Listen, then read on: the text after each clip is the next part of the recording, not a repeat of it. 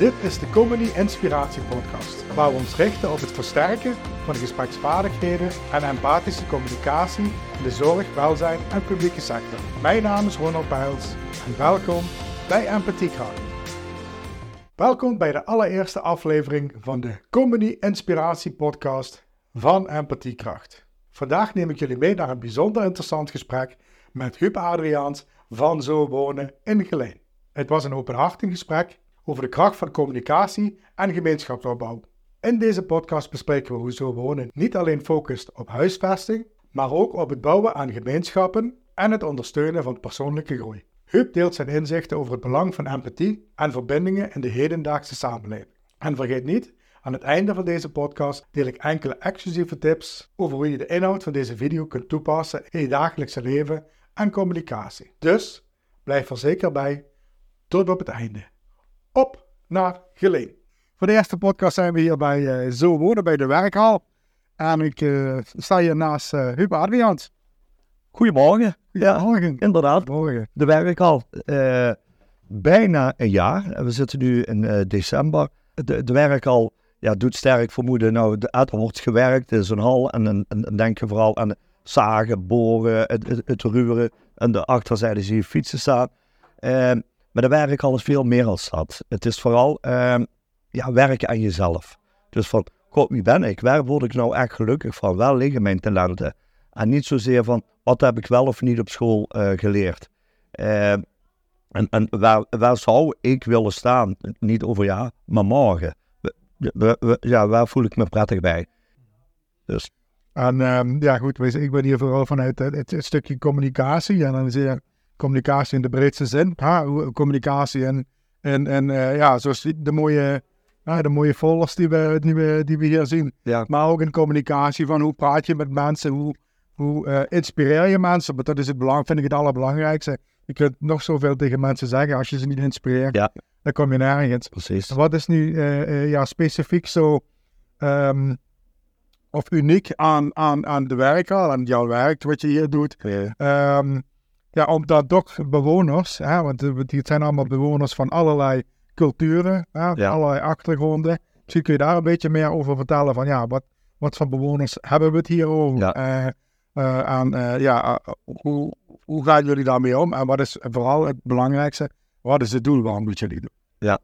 Nou, je, eh, je zei al over, over een, leuke nieuwsbrief te werken, maar als jij die leest en je zou daar een verslag over moeten geven voor wat je hebt gelezen, eh, hoe dat bij jou binnenkomt, en uh, zal dat misschien niet heel veel verschillen met mij, maar daar zit wel degelijk een verschil in. Doe je dat dus met tien mensen, iedereen haalt er iets anders uit. Hè? Um, maar dat is ook met gesproken woord zo alleen. Dan heb je de kans om elkaar te lezen. Hè? Dus op het moment dat ik jou iets vertel, um, zie ik of het binnenkomt of uh, heb ik het vermoeden dat je het wel of niet helemaal begrijpt. En dan kan ik mijn verhaal erop aanpassen. Dat is het voordeel van in gesprek blijven met elkaar. Ja. Nou, je noemde ook de, uh, min of meer de, taalbarrière op, hè, verschillende culturen. We hebben hier iets van 60 woningen, zitten Oekraïense mensen in. En ja, daar, daar, daar bots je al tegen de taalbarrière. Maar dan is het dus toch belangrijk dat je de communicatie aangaat. En dan zul je zien dat wanneer je vijf minuten met iemand hebt gesproken zonder elkaar echt te kunnen verstaan. En ik vraag dan aan jou, waar hadden jullie het? Kun je mij toch het een en ander vertellen. Je kunt er ook langslopen van, zij of hij begrijpt me toch niet. Dus het is toch proberen het gesprek aan te gaan en kijken waar je wel de communicatie vindt. En het voordeel, op het moment dat je elkaar niet goed verstaat, ga je nog beter nadenken, hoe kan ik duidelijk maken wat ik wil of wat ik nodig heb. Dus daar zit ook wel een voordeel aan. Dan zij er van weglopen. Nou, en nu mensen wat wel elkaars taal uh, begrijpen, zou je zeggen, nou, die kunnen gemakkelijker met elkaar uh, communiceren. Dat is vaak helaas niet het geval. En wat doe je dan? Uit veiligheid ga je het voor de ander invullen. Een nadeel is dan, ik, noem dat empathie, als je empathie hebt, zelfs al spreek je niet dezelfde taal, als ik geïnteresseerd ben van wie ben jij, of wat uh, denk ik dat ik voor jou nodig heb, of waar kun je mij in ondersteunen of andersom, dan moet ik geïnteresseerd zijn in jou. Op het moment dat jij voelt dat ik geïnteresseerd ben in jou, is de kans groter, maar is nog geen garantie, maar dat is voor mij toch nog een reden om die empathie te tonen, en dat, dat, dat zich dat vertaalt in wederzijds respect en, en begrip. En dan kun je ergens komen. Nou, dus al spreek je dezelfde taal, wanneer je last ervaart van de ander, is het toch goed om een gesprek aan te gaan. En je ziet dat dat heel vaak niet gebeurt. Als ik nou ehm, vanuit, vanuit, uh, vanuit wonenvereniging zo woon in dit geval, uh, wat maakt dit nu uh, een extra connectie naar de mensen die bij zo wonen, wonen? Want dat, dat, ja. er wordt voor geïnvesteerd, hè? Er, er wordt geïnvesteerd in, in mensen in dit geval. Want dat zie je, ik, ik ben hier, hier een half uur en ik heb al zeker tien mensen voorbij zien komen van allerlei achtergronden met allerlei eigen verhalen. Ja. Um, ja, ja, super. Oh ja.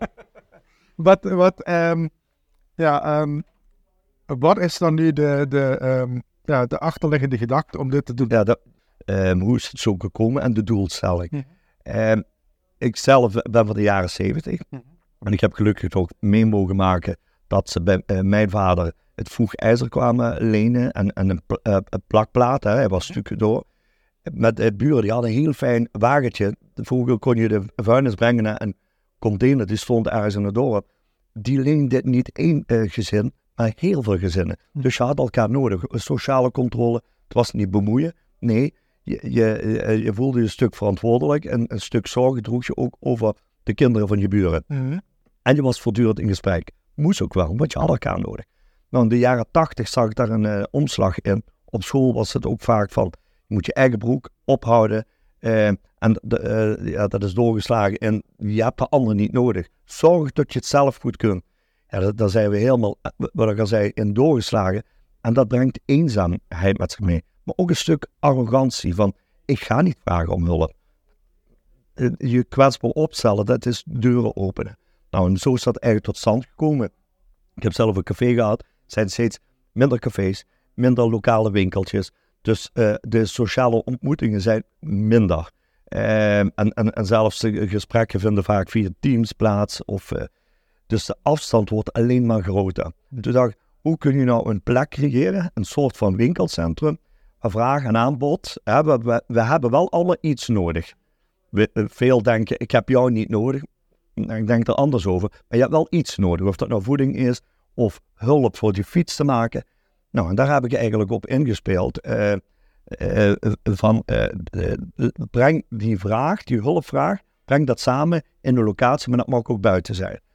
En dan ben je in gesprek. -huh. soms komen mensen voor de fiets laten maken, daarna zijn ze gewoon zelf rijles geven. -huh. Of een vrouw, dat is deze week geweest, goh, u, je moet bij mij in de kelder komen kijken, ik ben al wat op leeftijd en ik heb heel veel handarbeid, spullen. Die mogen jullie gebruiken. Nou, ik heb liever dat die vrouw dat weer gaat gebruiken, samen met de kinderen hier. Dus het is eigenlijk constant die verbinding zoeken. En de politiek, overheid heeft het vaak met moeilijke woorden. Cohesie, empathie. Maar eigenlijk is het gewoon het samenleven. Ja.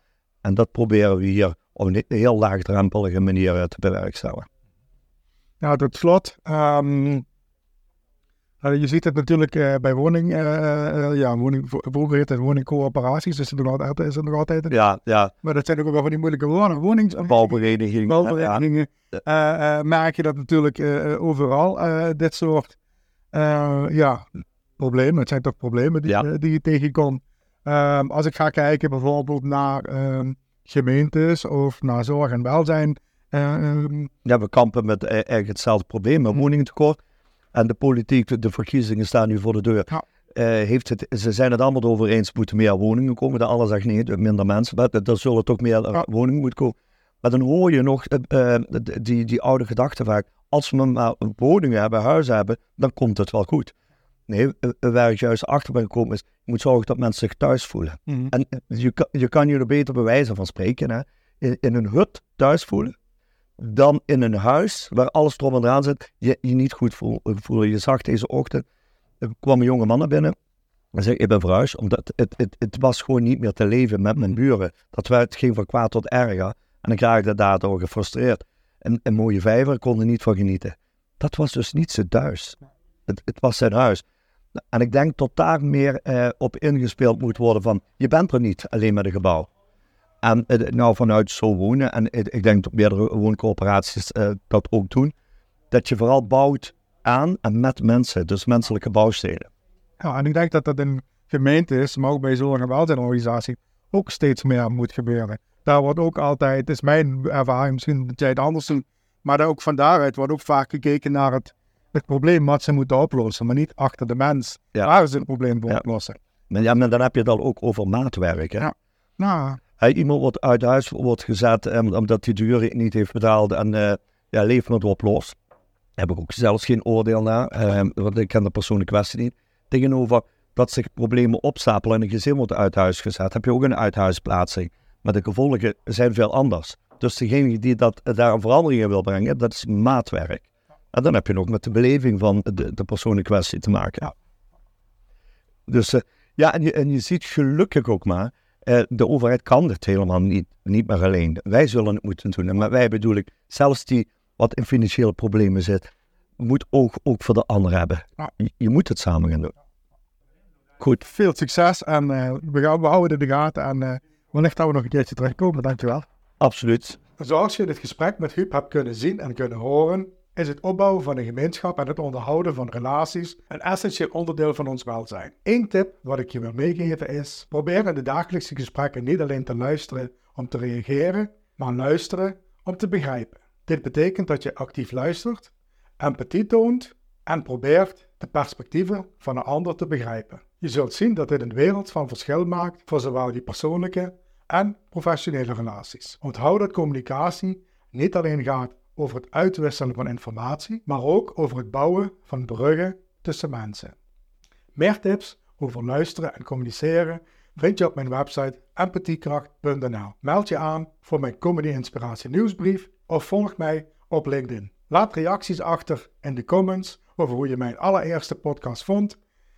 En ik zou zeggen, tot de volgende keer. Tot ziens.